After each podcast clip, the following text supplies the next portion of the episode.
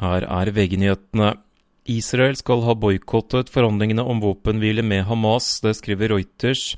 Det er fordi Hamas ikke vil gi en fullstendig liste over hvilke gisler som fortsatt er i live. Og den israelske hæren har åpnet undersøkelse etter angrepet mot en matkø på Gazastripen, reporter Knut Peder Gransæter. Over 100 palestinere skal ha blitt drept mens de desperat ventet på nødhjelp i Gaza.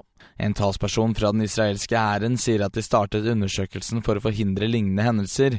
IDF har avvist at køen ble angrepet, og hevder at de fleste omkomne ble trampet i hjel i panikken som oppsto. Men Israels påstand om at de fleste ofrene ble trampet i hjel, stemmer ikke med bevisene, ifølge Amnesty International. Leger ved de to sykehusene som tok imot de mange drepte og sårede fra hendelsen, hevder nemlig at flertallet av dem hadde skuddskader.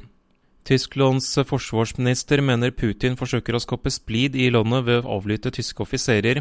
I går ble det bekreftet at en hemmelig samtale i Tysklands flyvåpen ble avlyttet. Tysklands forbundskansler Olof Scholz beskriver saken som svært alvorlig, og har lovet en rask granskning. I studio André Ødeby, nyhetene får du på VG.